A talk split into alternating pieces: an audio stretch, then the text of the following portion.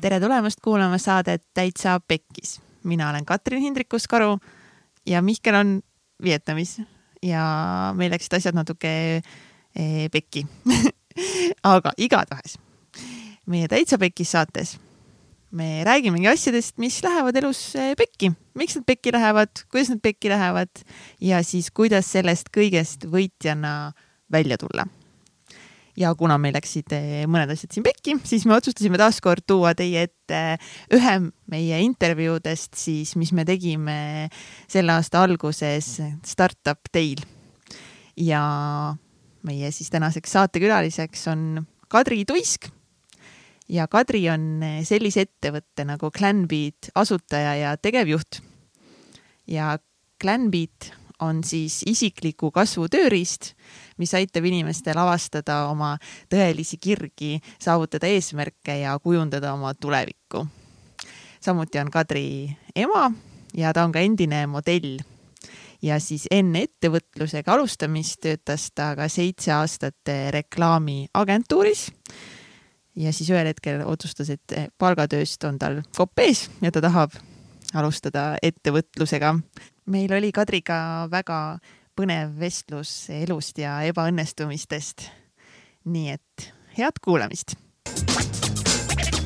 ja meie Startup Day teise päeva kõige viimasem intervjuu on kätte jõudnud ja ma olen täiega elevil, et minuga on ühinenud Kadri Tuisk. tere, tere. tere tulemast Täitsa Pekkis saatesse. väga lahe Kadri on täiega inspireeriv naine, ettevõtja, Cleanbeat tegevjuht ja kaasasutaja. Clanbeat Clan Beat. Potato, potato. issand, juba, juba, juba läks pekki mul see asi siin. ja ka ema ja endine modell. ja täpselt. täpselt kõik need, kõik need eh, põnevad, eh, põnevad asjad, aga Kadri, alustame sellest, et eh, pikki aastaid sa tegid palgatööd. just nii. käisid palgatööl ja üks hetk sa siis otsustasid, et mulle vist nüüd aitab sellest palgatööst ja ma nüüd hakkaks midagi muud tegema. jaa. kus, kus see, kus see otsus nagu ja mis ajendas sul seda otsust vastu võtma?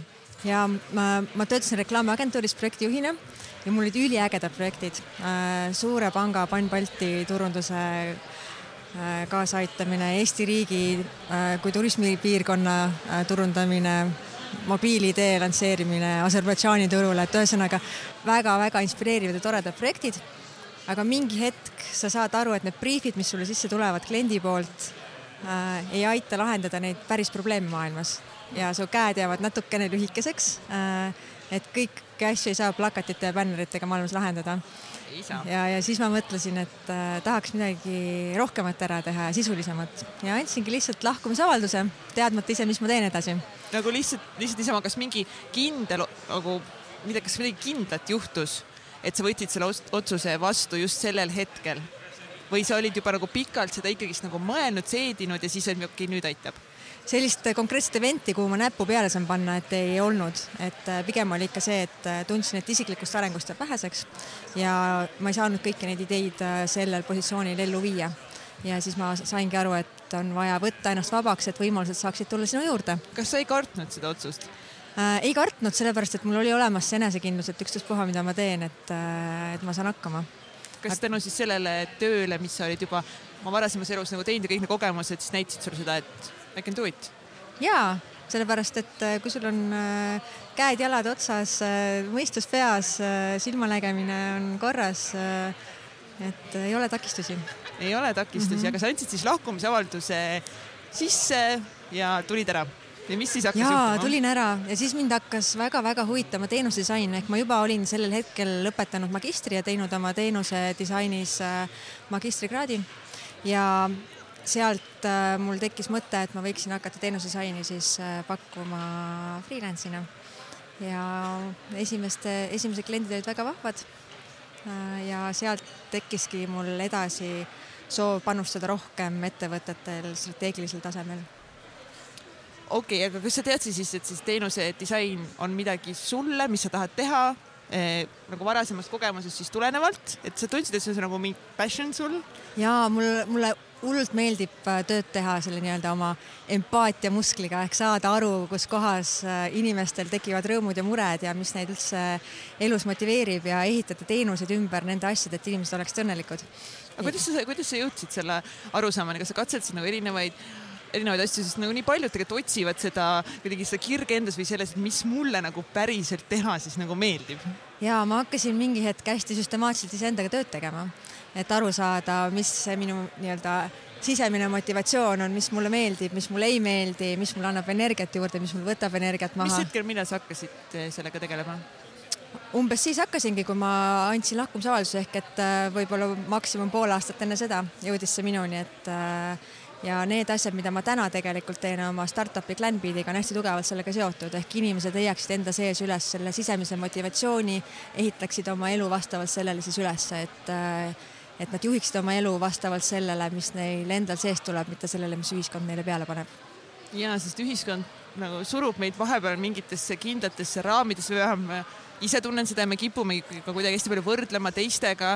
nagu raske on siin ühiskonnas nagu leida oma seda nagu, mis see päris siis see minu nagu asi on mm. -hmm. aga sellepärast ei tasu väga põdeda, sellepärast et äh, Äh, sa jõuad nii palju katsetada äh, ja fail ida ja uuesti proovida, et, äh, et kui sa praegu isegi tunned, et sa ei tea täpselt, mis see on, et siis pane kümme eksperimenti püsti ja hakka minema ja küll sa lõpuks leiad kust sinul tuli selline eluterve suhtumine ebaõnnestumistesse, et see on, et see on okei okay,, et meil asjad lähevadki pekki ja mitte midagi suurt ei juhtu selle pärast? ja et ma hakkasin noorena hästi-hästi palju reisima seoses selle modellindusega ja nägin hästi palju erinevaid kultuure et ma Euroopas, Pariisis, Milanos äh, ja lõpuks äh, kaks aastat äh, Aasias, et olin, elasin kaks aastat Hongkongis ja sealt käisin Shanghais, Pekingis, Singapuris äh,, igal pool, et et sealt tekib selline terviklikum maailmatunnetus, et sa saad aru, et kuidas maailmas asjad on, et mida sa võiksid proovida, sealt tekib ka see julgus, et, et proovida, et sul ei ole seda kohalikku Äh, väikesema silmaringi pinget peal, et, et ei tea, mis nüüd juhtub. aga kas sul kohe oli eh, julgus nagu minna välismaale ja, või sa kartsid, kas sa nagu noorena, kas sul olid ka mingid hirmud selle ei. modellinduse ja kõige ees? ei, mul ei olnud hirme ja ma arvan, see on äh, teismelistele hästi omane, ehk et nad ei näe seda suuremat pilti, nad ei näe kõiki hirme, nad lihtsalt lähevad ja teevad ja elavad ja see ongi äge, et et mul siis ei olnud mingit hirme, ma arvan, vanematel kindlasti olid mingid hirmud aga nad olid väga nagu tublid seda varjamaks, et, et nad ikkagi julgustasid takka. kas sa arvasid, et sinust eh, saabki elukutseline nagu modellis on see, mida sa nagu teed nii kaua, kui sa saad seda, seda teha, ei mõelnud? ei, ei, ei, äh, seda, seda ambitsiooni mul kunagi ei olnud. et äh, minu ambitsioon oli tegelikult äh, seda modellindusperioodi kasutada äh, reisimiseks, inimestega suhtlemiseks, maailma nägemiseks äh, ja ma võtsingi seda nii-öelda kui vaheaastaid, et äh, pärast seda modelliperioodi ma tulin Eestisse tagasi, tegin oma bakalaureuse, magistri, läksin tööle ja hakkasin nii-öelda oma elumissiooni siis täitma, et, äh, et ma võtsin seda hästi teadlikult kui vaheperioodi oma elus. kas, mis sa õppisid kõige rohkem selle aja jooksul, kui sa ringi reisisid ümber maailma?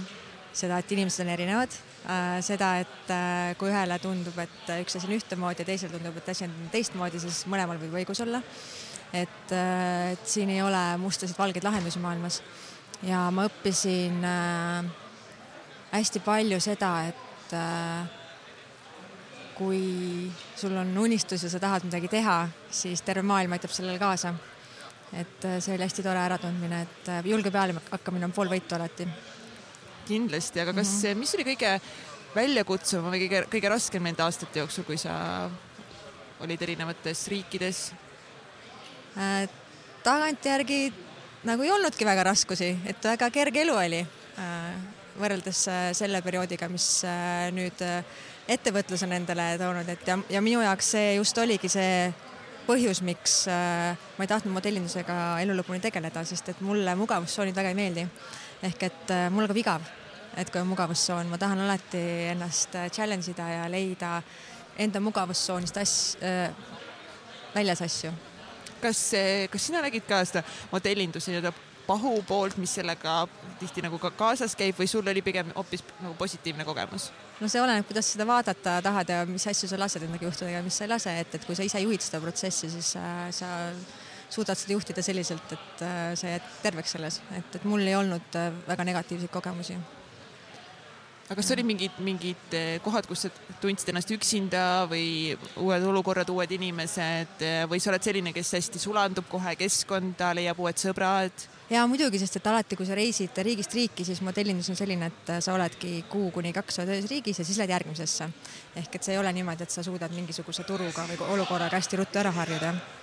ja seal sa peadki pidevalt õppima kohanduma erineva kultuuriga ja erinevate vajadustega ja see ongi see, mis su tegelikult tugevamaks teeb ja annab sulle seda mitmekülgsust juurde, et sa õpid kohanduma päris kiiresti.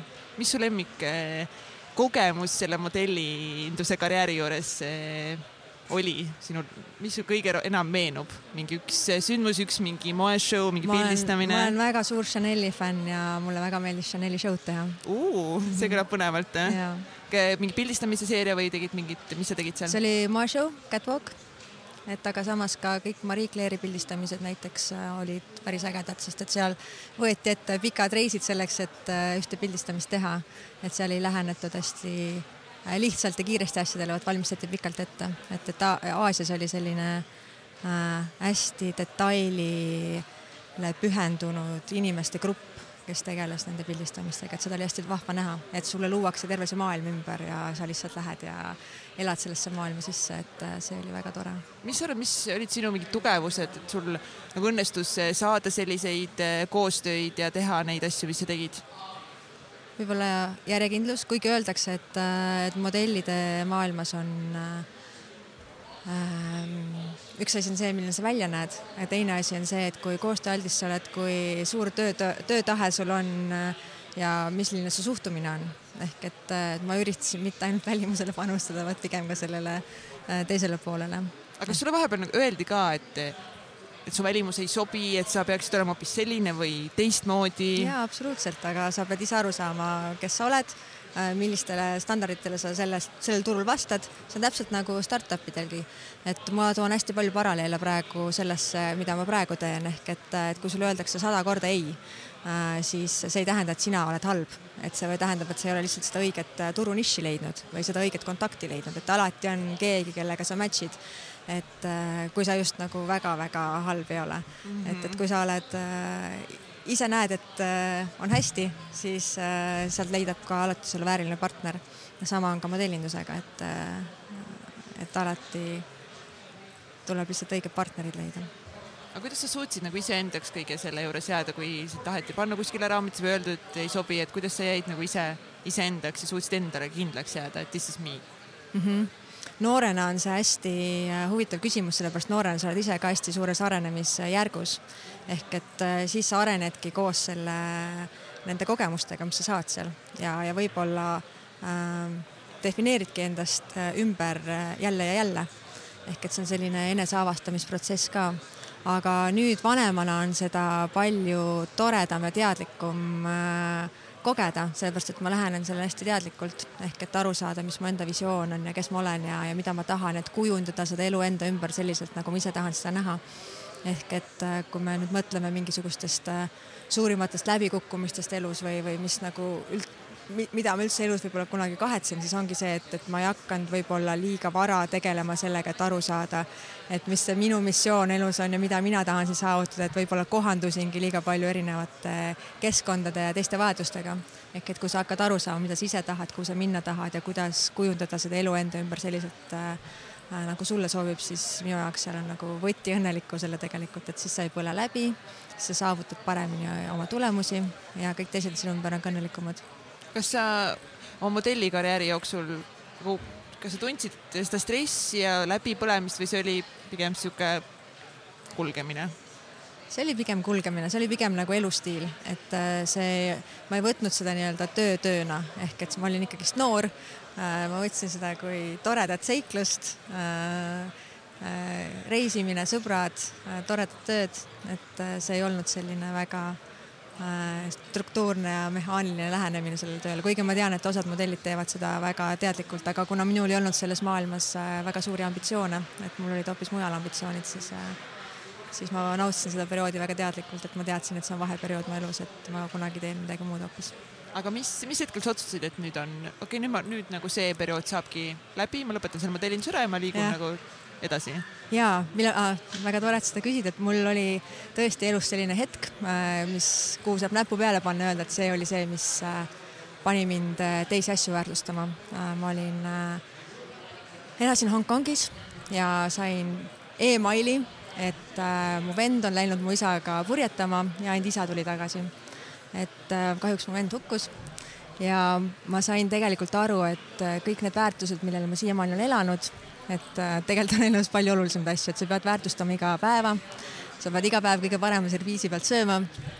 sa pead tegelikult aru saama, missugust väärtust sa maailma tood ja kuidas sina oma eluajal tegelikult tagasi annad. ja ma otsustasin päevapealt kolida Eestisse tagasi, veeta rohkem aega perega, luua maailmale reaalset väärtust, mitte lihtsalt elada ja kulutada ressursse. ja ma arvan, et, äh, et see oli selline hetk, kuhu võib näpu peale panna, et äh, see muutis päris palju minu mõttemaailma. see on, see on tihti nagu niimoodi, et suured tragöödiad ja asjad mõjutavad just nagu noh, kardinaalselt meie elu, et vahepeal noh, meil ongi vaja mingit noh, kas just nii hullu asja, aga midagi, mis nagu noh, toob meid tagasi teise, hoopis teise elu juurde, et äh, nii paljud, mis nagu kulgevad elus, teevad mingeid asju, siis juhtub mingi noh, midagi juhtub ja siis alles võetakse see elu noh, noh hakatakse hoopis teise külje alt nägema. absoluutselt, sellepärast et mul on päris palju tuttavaid, kes, keda ma näen kõrvalt, et on nagu konna keetmine äh, niimoodi, et nad on keskkonnas, keskkonnas järjest läheb kuumemaks, kuumemaks, aga nad ei, neil ei ole seda konkreetset hetke, millal nad tunnevad, et nüüd peaks välja hüppama ja nüüd peaks midagi tegema. ehk et äh, teistel on seda ülitihti kõrvalt äh, lihtsam näha kui neil endal, sest et inimene on äh, väga hea kohanduja, isegi vangilaagrites kohandutakse. ehk et äh, tegelikult sa peaksid sellist kriitilist mõtlemist rakendama hästi palju oma elule, et tegema neid vahepeatusi, vaheetappe, refleksioone, vaatama läbi etapiti oma elu, et, et aru saada, kus on hästi, kus on halvasti. et, et ma ise teen seda päris tihti kui keeruline siis oli alguses uuesti siis Eesti eluga siin kohaneda? oi, ei olnud üldse keeruline, et äh, ma Eestit väga armastan ja mul oli juba äh, network Eestis olemas ja, ja ma otsustasin äh, suht ruttu minna kooli, sest et mul tegelikult oli ikkagist unistus kõrgharidus saada ja, ja leidsin väga toreda kooli, kus seda teha ja, ja sealt edasi oli, see periood oli väga tore periood tegelikult sa ütlesid, et, et kõige keerulisem võib-olla oli, on nüüd olnud need ettevõtluse aastad. kas sa alguses nagu kujutasid ette ka, et nagu milline see teekond saab ettevõtjana üldse olema?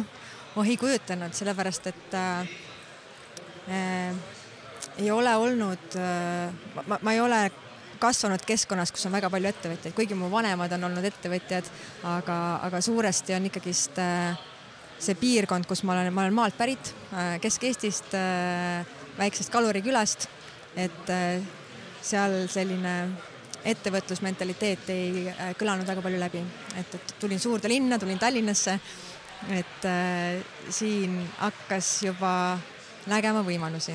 Ja, ja see kohandumine selle mentaliteediga, et kõik, mida sina lood, et äh, sellest sõltub hästi palju, et kui sa oled palgatööl, siis äh, Äh, see sinu mõju on väiksem.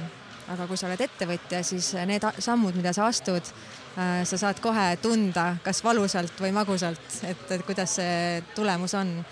ja see mulle väga-väga meeldib et see on hästi adrenaliini tekitav minu jaoks, et, et näha seda, et sa teed sellise otsuse, siis tulevad sellised tulemused, sa teed teistsuguse otsuse, tulevad teistsugused tulemused.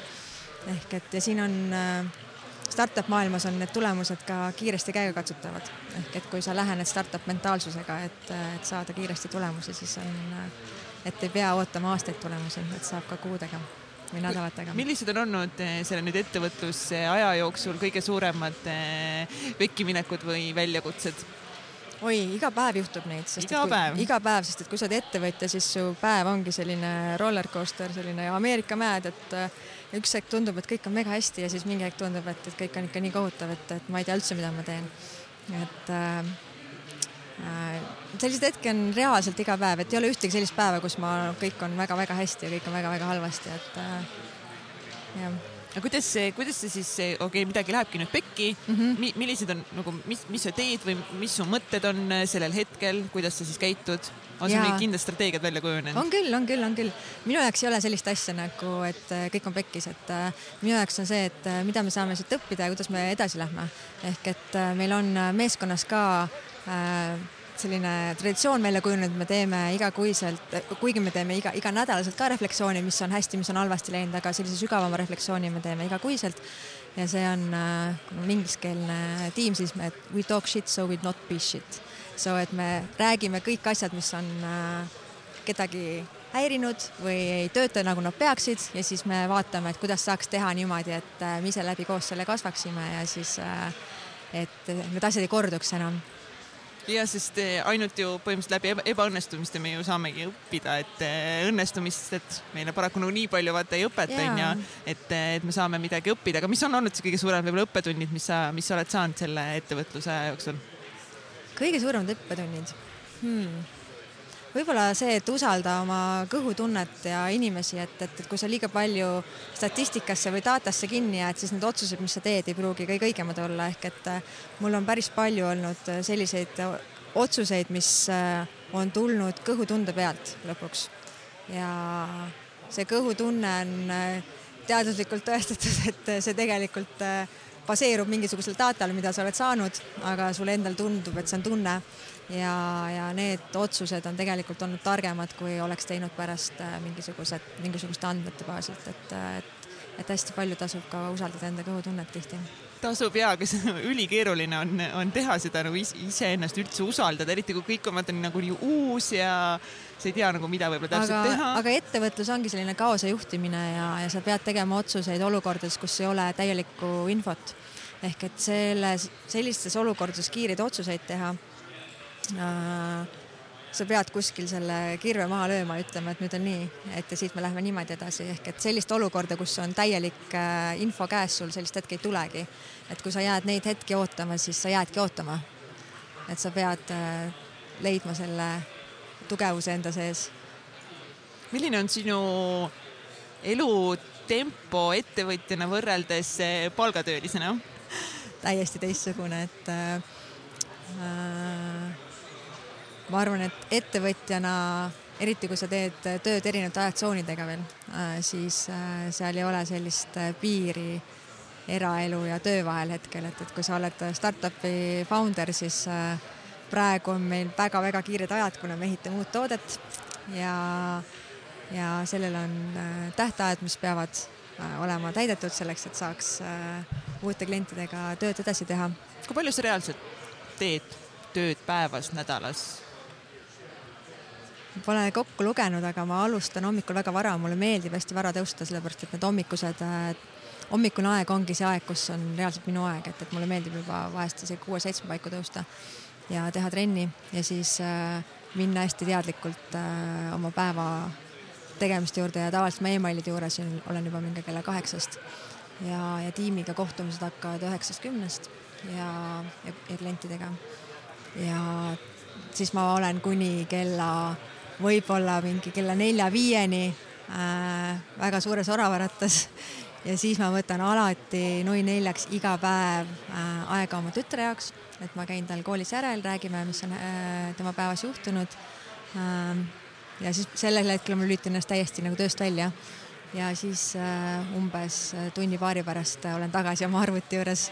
et äh, kui ei ole õhtusel mingisuguseid äh, eelnevaid kokkuleppeid, et äh, viimastel päevadel on see tasakaal veits paigast ära läinud, aga, aga ma töötan selle nimel, et, et vahest ikkagist tekiks ikka need puhkehetked ehk et ma olen hästi teadlikult lähenen sellele äh, elu ja töö bilanss äh,, balansile. Ehk et, äh, et kui ma tunnen, et hakkab liiga paljuks minema, siis ma oskan ka pidurit tõmmata, et, et öelda, et ma nüüd natuke aega puhkan. Ehk et, et ma sellist äh, veri ninast välja asja enam ei tee, sest et äh, aga kas sa oled teinud seda, kas sa oled teinud seda? olen, olen teinud, ma tean väga täpselt, kus mu piir läheb, et et, et kui sa oled nagu selle piiri ära tabanud kunagi oma elus, siis millal sul oli see? siis kui ma töötasin reklaamiagentuuris, mul oli seitse väga suurt kampaaniat korraga juhtida, kus oli äh, mitu erinevat äh, äh, meediakanalit äh, ja sa reaalselt äh, seitsme projekti korraga juhtimine äh, võtab äh, ööpäevas sult liiga palju tunde ära, et,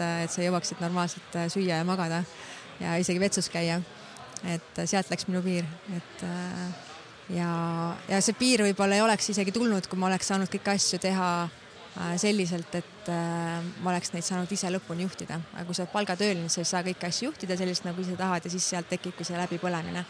et, et ma olen hästi teadlik selle nii-öelda läbipõlemise piiri äh, juures, kuigi ma isiklikult ei ole seda nii-öelda täielikku läbipõlemist kogenud, et seoses selle startup'iga, mida ma teen, ma olen hästi palju uurinud, mida tähendab inimeste jaoks läbipõlemine, mis, millisest punktist see tekib ja ja need kirjeldused, mis ma olen saanud, et ma ei ole sinna lähedalegi jõudnud veel. millised, mis kirjeldusi sa oled saanud? ja et läbipõlemine on selline füüsiline tunne, et see pidi olema selline, et sa istud, sul jääb õhku väheks ja sa tunned nagu ruum su ümber äh, variseks kokku nagu kildudeks su ümber ja need kirjeldused, mis ma olen saanud, ma tegin äh, research'i äh, äh, erinevate inimestega, kes on seda tunnet kogenud ja nad kõik kirjeldasid seda täpselt ühtemoodi. et, et sa mingi hetk lihtsalt oled nagu teovõimetu lihtsalt ja, ja see, sinna hetke ma veel ei ole oma elus jõudnud. ma loodan, et ma ka pääsen sellest, et kui ma teadlikult sellele lähenen, et, et ma vaatan, et hästi palju tegeletakse selle läbipõlemisega nagu nii-öelda äh, siis, kui see on kätte juba ja, jõudnud ja. Aftermath, et ja, ja, järg, järelemõtlemine mm, -hmm. et aga, aga selle ennetamisega öeldakse küll, et äh, tee trenni, söö õigesti, armasta lapsi, koera, peret. Äh, aga aga sellega peaks tegelikult rohkem tegelema, ehk et inimesed jõuakski sinna hetke, et nad suudaks tegelikult aru saada, mis need asjad on, mis neile energiat annavad ja energiat võtavad, ehk et ehk see startup, millega ma tegelen, me tegelikult tahame, et juba varasemast äh, lapsepõlvest äh, inimesed saaksid aru, mis need asjad on, mis neil energiat maha võtavad ja et nad suudaksid iseenda emotsioone juhtida ja aru saada kuidas seada endale eesmärke selliselt, et need oleksid realistlikud, täidetavad ja vastaksid siis nende sisemisele motivatsioonile ja visioonile elus.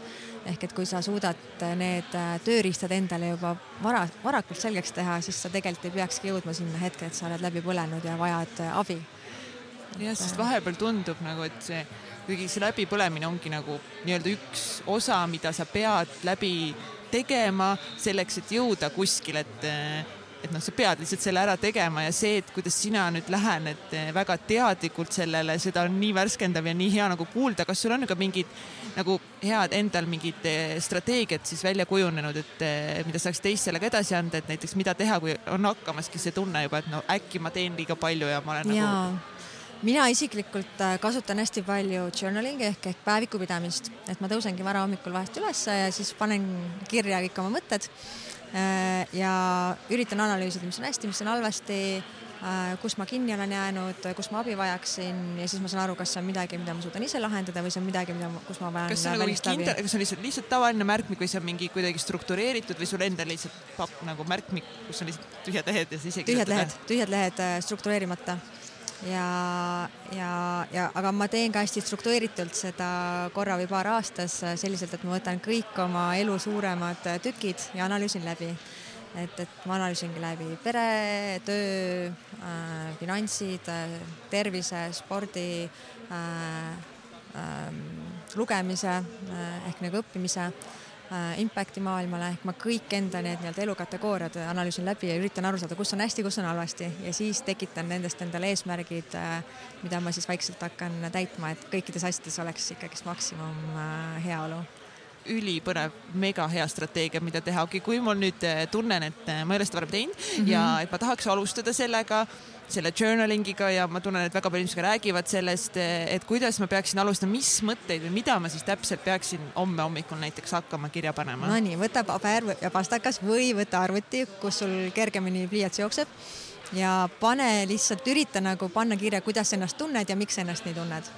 ehk et kas on hästi või halvasti ja siis ürita aru saada, mis seda põhjustab ja.... näiteks ma ärkan üles, ma tunnen, et ma olen väsinud, siis ma kirjutan, ma tunnen, et ma olen täna väsinud. jah, aga miks sa oled väsinud, kas sa läksid liiga hilja magama, kas sa oled äh, füüsiliselt äh, mitte vormis, kas sa sööd halvasti? Äh,, kas sul oli tüli kellegagi? Äh,, kas sul on mingi töömure, mis sind vaevab? Äh, mm, või sa, sul on ebakindlus tuleviku osas, et sa pead nagu äh, kõik teemad üritama kuidagi lahti kirjutada ja räägi nagu oma parima sõbraga, võta iseennast kui oma parimat sõpra et äh, see minu, minu see vorm, kuidas ma journaling ongi selline, et ma räägin iseendaga oma parima sõbraga ja ja see nii-öelda äratundmine, et sa peaksid iseennast võtma kui oma parimat sõpra, et äh, see on minu jaoks hästi värskendav olnud, et, äh, et ole hea enda vastu, armasta ennast äh, ja ürita iseennast aidata.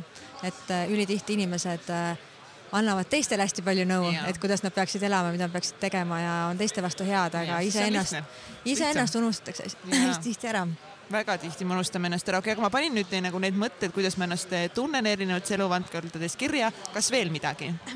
ja, ja siis äh, üritan endast aru saada, kus sul probleemikohad on. ja siis ürita aru saada, kas see on probleem, mida sa suudad ise lahendada või see on probleem, mida sa ei suuda ise lahendada. ja siis äh, sa saad sealt edasi minna.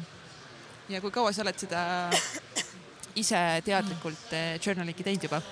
umbes mingi neli-viis aastat, tegelikult ma journalingiga alustasin juba, kui ma modell olin äh, aga siis ma, mul, mul kippusid need äh, päevikud ära kaduma reisimise käigus, ehk näiteks ma olen nad kuskil Singapuri randa unustanud ja, ja siis ma tundsin ennast väga, kui keegi oleks nagu minust tüki ära lõiganud. ja, ja siis ma leidsin natuke ähm, turvalisemad viisid, kuidas äh,, kuidas seda teha ja vahelduva eduga ma olen ikkagist oma nii-öelda probleeme lahti kirjutanud, sest et alati ei ole kedagi, kellele põrgatada, ehk et sul ei ole kedagi, kellega äh, oma asju lahti rääkida nii detailsel tasemel, kui sa tahaksid. et see on selline verbaalne väljaoksendamine kuskil paberi peal ja siis sa hakkad seal sorteerima seda, et see on hästi värskendav ja ülitihti ei olegi kõiki asju vaja ära sorteerida, et vahest aitab ka sellest, kui sa lihtsalt kirja paned asjad. et enda ja, peast jah, peast, peast ära, need on sul selle paberi peal ja saad oma eluga edasi minna ehk et äh, siis nad ei ketra ja ei ketra ja ei ketra sul. aga ülitihti mul juhtub niimoodi, et kui ma panen need asjad kirja, siis ma hakkan seda struktuuri nägema. ma näen struktuuri, ma hakkan nägema asju, mis korduvad, siis ma ütlen, oota, ma olen sellest juba, seda varem ennem juba kirjutanud, et, et, et mis ma siis nagu te, nagu panin lahenduseks, siis ma vaatan, mis ma lahenduseks panin. siis mõtlesin, miks ma ei ole neid asju teinud selliselt, nagu ma olen arvanud, et ma teen, et siis ma tegelikult saan äh, sealt jälle oma õppetunnid, et, et mis minu jaoks on töötanud ja mis ei ole töötanud. kas sul on mingi näide ka kohe näiteks tuua, mida sa oled tänu sellele journaling'ile endas avastanud, kirja pannud ja siis vaadanud tagasi, et mingi oo, näed, mingi muster on näiteks hakanud kujunema hmm.? ja, issand, mul selle, selle aasta journaling'i nii-öelda review äh, käigus tekkis kakskümmend üks eesmärki iseendale. et äh, siis ma mõtlen, mis mul seal olid kõige suuremad eesmärgid hmm,. Hmm, hmm, hmm seal olid hästi palju erinevaid kategooriaid. Mm.. mul oli hästi suur kategooria oli äh, eneseareng ja lugemine, sellepärast et ma olen äh,, ma tegin eelmine aasta oma elukaaslasega sellise äh, väljakutse. Ehk et me õppisime ära kiirlugemise ja tahtsime kolmekümne päevaga kolmkümmend raamatut äh, läbi lugeda. Ja minul vist õnnestus viisteist raamatut läbi lugeda ja mu elukaaslane vist oli natukene tõhusam. Äh, ja siis ma üritasin analüüsida läbi selle, et, et miks ma ei jõudnud kolmekümneni. Äh, ja siis ma sain aru, et kolmkümmend päeva oli võib-olla liiga suur eesmärk minu jaoks, ehk et sa ei saa oma elust võtta kolmkümmend päeva ja pühenduda ainult lugemisele, ehk et teeks lühemalt, teeks nädal või teeks kaks nädalat.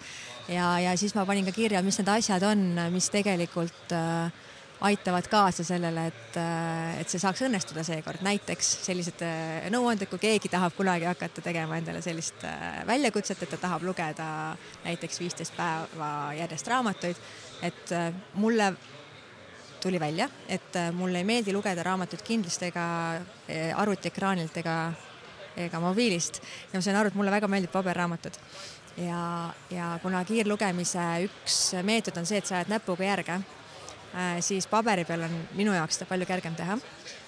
ja, ja see tähendab seda, et mul peavad need raamatud olema olemas füüsiliselt, ehk see ei ole niimoodi, et ma loen mingi asja ära ja siis mul tuleb mõte, ma tahan midagi muud lugeda, mis on väga tore, agiilsus mulle meeldib, aga sellise väljakutse puhul sa ei saa seda teha, et siis sul peab olema see hunnik ees ja sa pead iga päev sealt siis järjest minema ja, ja selleks tuleb ette valmistada. ehk et eelmine kord ma läksin lihtsalt äh, suure entusiasmi pealt, et, et ma teen selle ära, et see on nii äge ja, ja kui ma hakkasin seda tegema, siis ma poole pealt sain aru, et, et ma pidin mingisugust prügi sööma, sellepärast et mul ei olnud piisavalt kvaliteetseid raamatuid piisavalt kiiresti võtta. Mm.. ja et tuleb siis eeltöö varem ära teha. Ja siis ma sain aru ka seda, et äh, kui mul on raamat päevas äh, ambitsioon, siis ma ei saa võtta väga paksu raamatuid aga nüüd ma saan aru, et ma tegelikult ei taha ennast piirata sellega, et, et ma peaksin teatud arvu raamatuid lugema, et, et ma pigem panustan kvaliteedile, mitte kvantiteedile, ehk ma lubasin endale võtta ka veits paksemaid raamatuid ja neid tarbida siis kahe või kolme päevaga.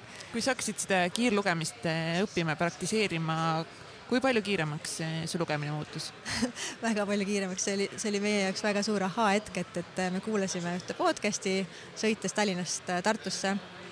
Ja ja me ütlesime, et see ei ole võimalik, et nagu niimoodi saab raamatuid lugeda. Ja siis läksime kohe Rahva Raamatupoodi, istusime maha ja ma võtsin selle Paulo Coleo selle Alkemisti ja lugesin selle neljakümne viie minutiga läbi. Ja ma olin, ma sain sellise elu, eduelamuse, et ma, ma ei uskunud, et see reaalselt võimalik on. et, et sa tegelikult suudad, kui sa teed kiirlugemist, sa suudad infot omandada paremini, sest su mõte ei lähe rändama ja sa oled palju fokusseeritum, sest et kui sa tavalist raamatut loed, siis sa hakkad äh, mõtlema, arutlema nende asjade üle ja su mõte läheb rändlema, siis mõtled, oota, kus ma olin, et ma pean nüüd tagasi minema mm -hmm. siia, aga kui sa teed kiirlugemist, sa ajad näpuga järgevaks, sa ju mõte ei lähe rändama, sa ainult omandad infot. ja siis pigem nagu vahepeal äkki mõned kiirlugemine, siis kui sa justkui, justkui nagu loed kiiresti, sa ei jõua nagu mõelda, aga tegelikult on, siis tuleb välja, et vastupidi, et ja. sa tegelikult äh, ja. omandad ju paremini veel ja. seda raamatut. jah, sellepärast et äh, ähm, aegade alguses, kui inimene elas džunglis, siis ta pööras tähelepanu sellele, kus kohas asi liikus ja kui midagi kuskil liikus, siis võis olla oht, et inimese, inimene on füüsiliselt tegelikult äh, programmeeritud niimoodi, et ta paneb tähelepanu sinna, kus liigub ja sellepärast ongi näpuga järgeajamine hästi oluline uh,. mega põnev, täiega lahe. aga mis, millised on näiteks sinu viimase kõige lemmikumad eh, raamatud, mis, mis on andnud sulle kas inspiratsiooni või mida sa tahaks ka teistele soovitada mm? -hmm Äh, viimati ma hakkasin lugema sellist raamatut nagu Rene Browni Dare to lead, et ma ei ole sellega veel äh, päris lõpuni jõudnud, aga minu lemmik, lemmikraamat äh, eelmisest aastast oli How to design your life.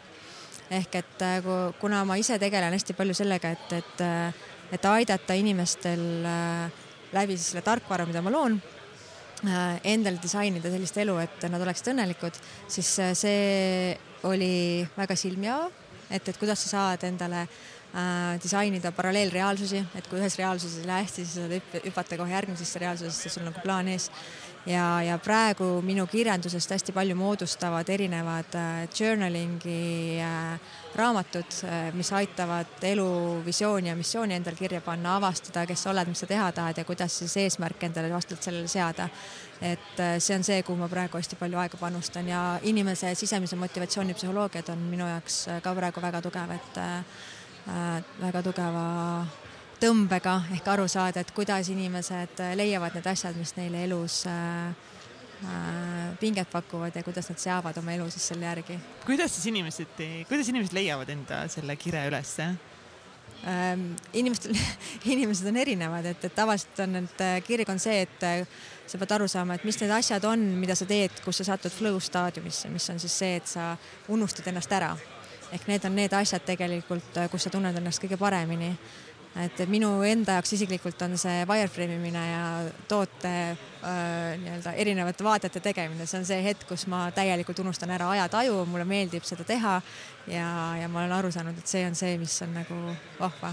Et aga erinevatel inimestel on need erinevad, osadele meeldib poksida, osadele meeldib raamatuid lugeda, osadele meeldib äh, matemaatika ülesandeid lahendada, et ma olen päris palju inimestega kohtunud, et kui nad näevad, et on hästi äh, tore matemaatika ülesanne, nad tahavad selle lõpuni teha, nad unustavad täiesti ära nagu, mis aeg ja ruum ümber on, et või siis näiteks programmeerijad, et äh, neil on vaja fookusaega selleks, et äh, teemasse sisse minna ja see konkreetne probleem ära lahendada, et, et erinevatel inimestel on erinevad, aga kõige parem on jah, et aru saada siis sellest, et kus sul tekib see hetk, kus sul ajataju sinu ümber kaob, et äh, seda tasub jälgida kas sa nüüd, kas sa oled enda elus väga selgelt ära sõnastanud ja mõelnud enda jaoks läbi enda missiooni ja visiooni elus, kuhu sa tahad jõuda ja mida sa päriselt tahad teha?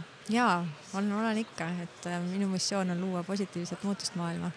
ehk et äh, see on väga üldine, et see kindlasti minu puhul see läheb ka erinevatesse kategooriatesse, aga meil praegu vist ei ole liiga palju aega, et. kahjuks ei ole. jah et, et, et mul on jah tehtud oma missioon ära defineeritud ja see löödud ka erinevateks etappideks laiali, et, et, et kuidas ma selleni jõuan, et väga-väga põnev.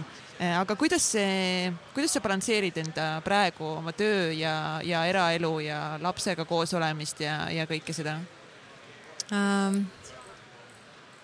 Seal ei ole praegu väga head balanssi minu jaoks, et äh, see on midagi, mida ma pidevalt otsin, et äh, see on, see on koht, kus mul on väga palju paranemisruumi ja see on üks koht, kus ma, mida ma pidevalt nagu siis äh, päevikus üritan lahti saada, kuidas seda järjest paremaks saada. et äh, trennile tahaks leida rohkem aega, lapsele tahaks rohkem aega leida, laps on juba nii suur, et tal on juba oma elu, et ta on kohe viisteist, et et tal on juba omad sõbrad ja tegemised ja trennid, et et, et kuidas sellises olukordas seda suhet hoida, et ja, ja kuidas enda jaoks ka aega leida, et äh, aga mis sul praegu kõige, kõige suurem nagu fookus või eesmärk on, kuhu sa hästi palju energiat suunad? oma ettevõtte kasvatamine, et äh, ja, ja pere. Ehk et äh, pere võiks tegelikult isegi ettepoole tõsta, et minu jaoks on see printsiip, et family first, et ja ma seda hästi palju rõhutan ka oma tiimis et, et töö ei ole maailma kõige olulisem asi, et sina ja su perekond on ja kui seal on hästi, siis äh, töö sujub ka hästi. ehk et, äh, et need on need kaks äh, suurt valdkonda, kuhu mu praegu väga palju energiat läheb. aga mis näiteks töövallas praegu sul fookus on või kus sa iseennast kõige rohkem pead arendama äh,?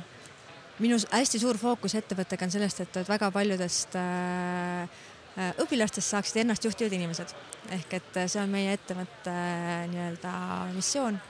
ja me soovime, et õpilased suudaksid ise aru saada, kas siis kellegi abiga või siis meie tarkvara abiga, et mis see nende asi on, mis neid sisemiselt motiveerib ja kuidas oma elu üles ehitada, ehk et see on see praegu, kuhu mul hästi suur fookus läheb äh,. hästi kiirelt sinu see, me räägime hästi palju sellest tarkvarast, aga kuidas see siis päriselt äh, mm -hmm. toimib?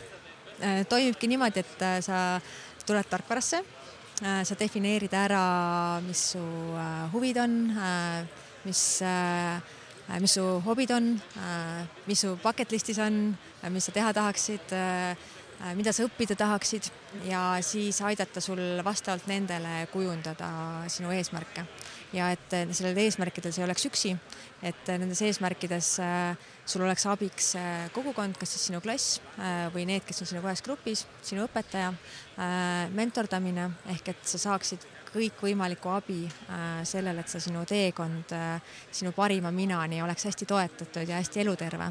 ehk et äh, praegu on hästi palju pinget ühiskonna poolt, et sa pead kohe arstiks ja juristiks saama, sul peab kõige rohkem Instagrami follower'e olema, sul peab olema see, teist ja kolmandat, ehk see pinge on tegelikult noortele hästi-hästi tugev ja hästi palju on depressiooni ja stressi noorte seas ja see on kõik täiesti ebavajalik sellepärast et eh, kui ootused oleks eh, õigesti juhitud ja sa oleks ise sisemiselt eh, enesekindel ja sa teaksid, kuhu sa lähed, siis kõik see mure on, oleks olemata ja minu jaoks on see täiesti raisatud ressurss maailmas, et täiesti ebavajalik, et on sellised mured inimestel, et ma tahaks aidata väga kaasa, et neid oleks vähem maailmas.